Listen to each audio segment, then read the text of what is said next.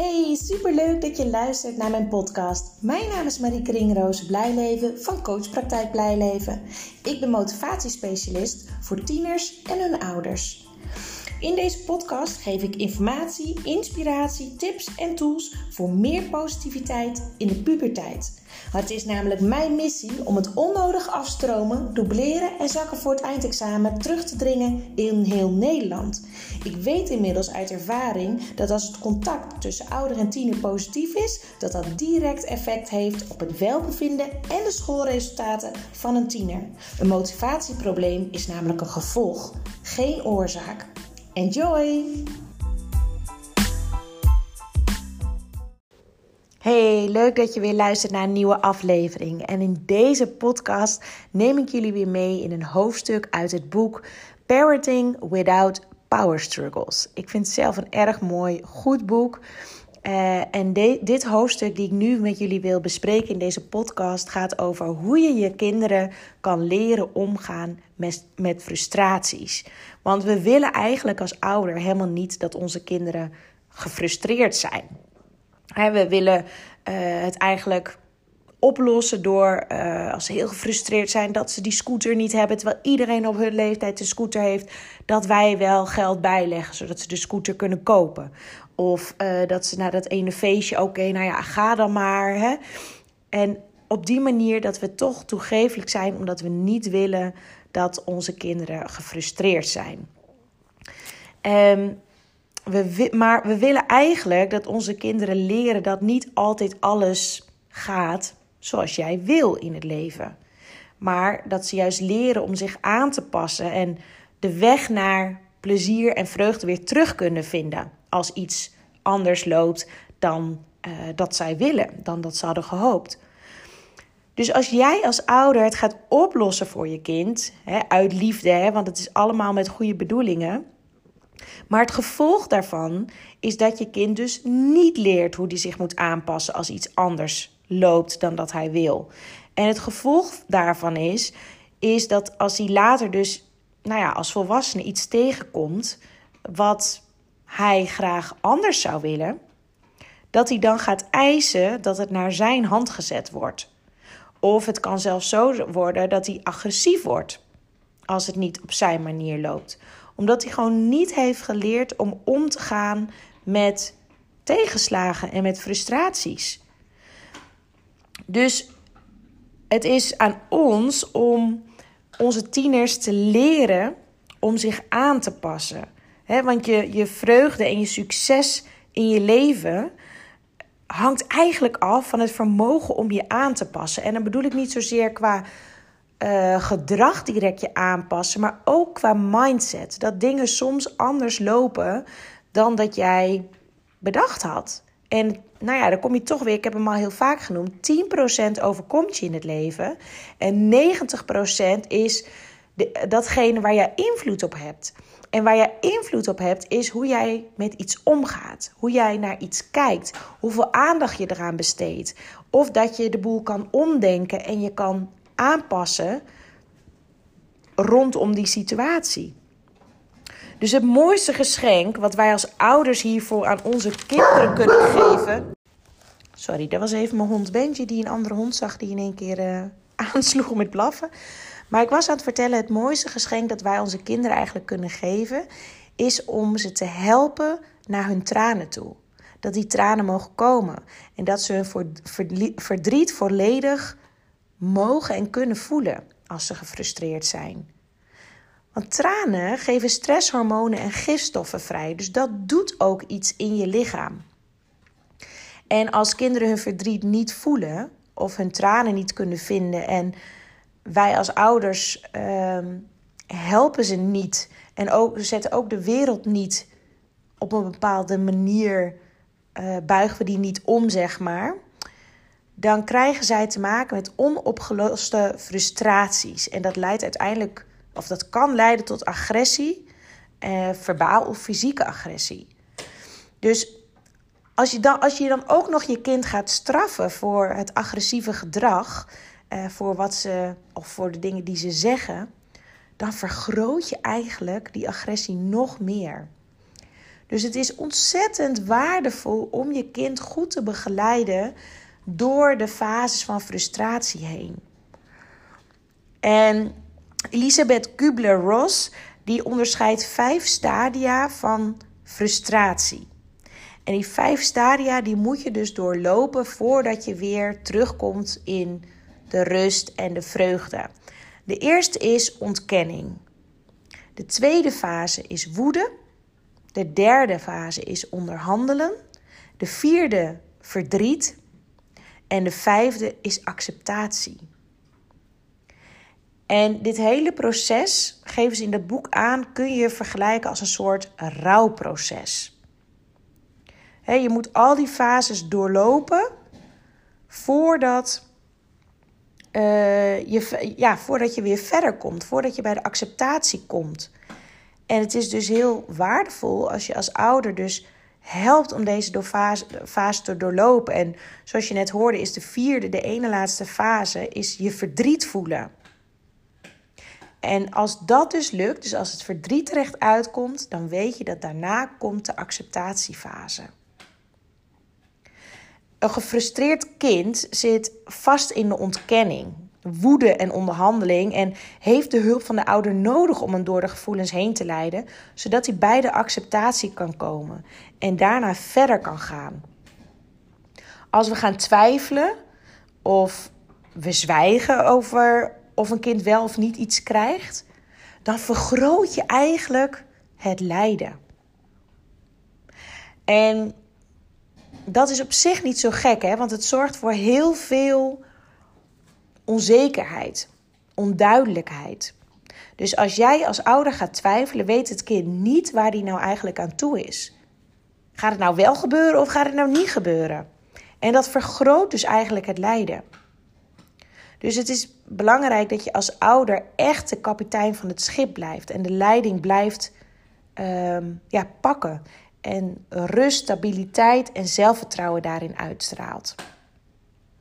Dus als een kind gefrustreerd is, is het niet het moment om het kind de les te gaan leven of advies te gaan geven, een preek te gaan houden of andere kijk op zaken te willen geven. Het kind kan namelijk niet verwerken wat jij zegt als hij heel erg in zijn emoties zit, als hij van streek is. Sterker nog, die woorden maken het alleen maar erger. En dat komt doordat taal is de functie van de linker hersenhelft. En gevoelens ontstaan in de rechter hersenhelft. Dus als je kind volop in zijn gevoelens zit, dus in de rechter hersenhelft, heeft hij geen toegang tot zijn verbale en, en logische denkwijze, zijn, zijn linker hersenhelft. Dus zie het als dat jij op een deur klopt van de linker hersenhelft, waar niemand thuis is op dat moment. Dus als jij alleen maar op die linker hersenhelft blijft kloppen, dan ben je dus niet beschikbaar voor die gevoelens. En dan zal je tiener zich juist daardoor heel erg alleen voelen in die storm van gevoelens waar hij mee worstelt op dat moment. Um, ga dus niet in discussie op dit moment. Want als jij in discussie gaat, dan ben je dus niet de kapitein van het schip. Dan heb je eigenlijk te maken met twee advocaten die in een debat zitten. Niemand heeft de leiding. Ehm, dus wat je eigenlijk doet als ouder om je kind te leren omgaan met zijn frustraties, is het helpen ze vertrouwen te, te, te laten ontwikkelen, te geven in hun eigen vindingrijkheid bij tegenslagen. Dus ook al balen ze enorm, ook al krijgt iedereen dat wel of mag iedereen naar het feestje, maar hij niet. Uiteindelijk, als hij door de fase heen gaat en bij de acceptatie komt, zal hij op een andere manier naar kunnen kijken. Er op een bepaalde manier mee kunnen dealen. En ook ontdekken, nou de wereld vergaat niet nu ik dit niet krijg of nu ik dit niet mag. En we willen als ouders graag dat onze kinderen direct gelukkig zijn. Hè? Daarom willen we heel snel uh, ja, iets geven of zeggen, nou oké, ga dan maar. Zonder dat we erbij stilstaan eigenlijk wat de gevolgen daarvan zijn. Dus een gefrustreerd kind zit eigenlijk in een heel belangrijk leerproces. om leren gaan met tegenslagen, om leren gaan met zijn eigen frustratie, de fases doorlopen en beseffen dat het niet altijd zo gaat in het leven als dat jij graag wil. En dat jij uh, aanpassingsvermogen hebt om daarmee te kunnen dealen. Dus samenvattend, zorg ervoor dat je een stabiele, rustige kapitein op het schip blijft. Hoe de reactie van je kind ook is, hoe groot de frustratie ook is, zorg ervoor dat jij stabiel blijft. En wees niet bang dat je kind een hekel aan je krijgt doordat jij bij je standpunt blijft, bijvoorbeeld. Hoe duidelijker jij bent en hoe rustiger jij blijft, hoe meer je kind daarvan leert. Vertel dat je ziet dat je kind boos is of teleurgesteld is. En toon wel erkenning hè, en begrip voor, voor zijn gevoelens. Ga dus niet die tips geven en dergelijke, hè, want dat, dat gaf ik net al aan. Dan ga jij in de linker hersenhelft uh, aan het sleutelen, terwijl ze zelf in de rechter hersenhelft zitten, in de emoties. Maar help bijvoorbeeld om onder woorden te brengen hoe hij zich voelt. Door te zeggen van ja, ik kan me heel goed voorstellen dat je, uh, dat je boos bent, dat jij niet mag. En ik snap heel goed dat je heel graag daarheen wil, omdat iedereen erheen gaat. Ja, het, het lijkt me ook heel lastig als je het gevoel hebt dat jij helemaal niks mag en anderen wel. Dus zonder dat je meegaat of dat je gaat ontkennen of, of verdedigen of wat dan ook. Benoem wat je hoort, benoem wat je ziet en help dus je tiener woorden te geven aan de gevoelens. En op den duur zullen ze verdriet voelen en daarna komt de acceptatie. Dus wees de tolk van je tiener. Het is dus niet het moment om ze de les te lezen maar meer gewoon letterlijk naast ze blijven zitten en er voor ze zijn en in contact blijven. Wat ze ook zeggen, wat ze ook doen, help ze het ordenen van de chaos in hun gevoelens en misschien daarna ook in de gedachten. En dat is een heel mooi cadeau die je je tiener kan geven voor de rest van zijn leven. En ze zullen er ook steeds beter mee om kunnen gaan. Doordat ze het van jou mogen leren hoe ze met tegenslagen en frustraties om kunnen gaan. Want het laatste wat we willen is dat ons kind uiteindelijk in de volwassen leeftijd zich niet aan kan passen. En bij elke tegenslag helemaal van slag is of boos wordt of agressief wordt of, of wat dan ook. Dat is niet wat je wil. Dus houd dat voor ogen voor jezelf.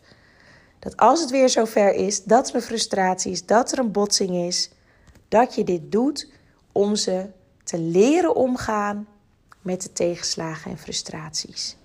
En dat is een hele belangrijke les. Oké, ik wens jullie heel veel succes met het oefenen van uh, datgene wat ik in deze podcast heb uitgelegd. Uh, en nee, dit kan je niet altijd doen als ouder. Hè? Je kan niet altijd even rustig reageren.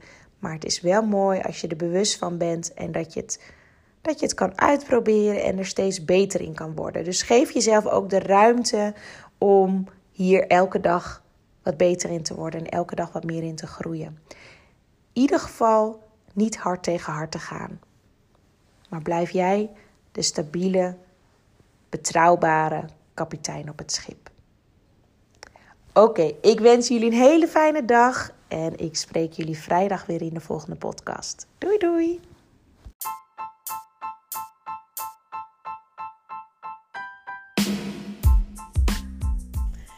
Dit was weer de aflevering van deze podcast.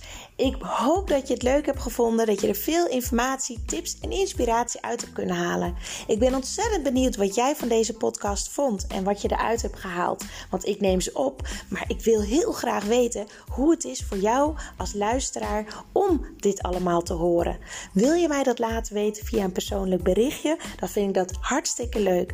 Wil je andere ouders motiveren, stimuleren en inspireren met deze podcast? Deel het dan op social media.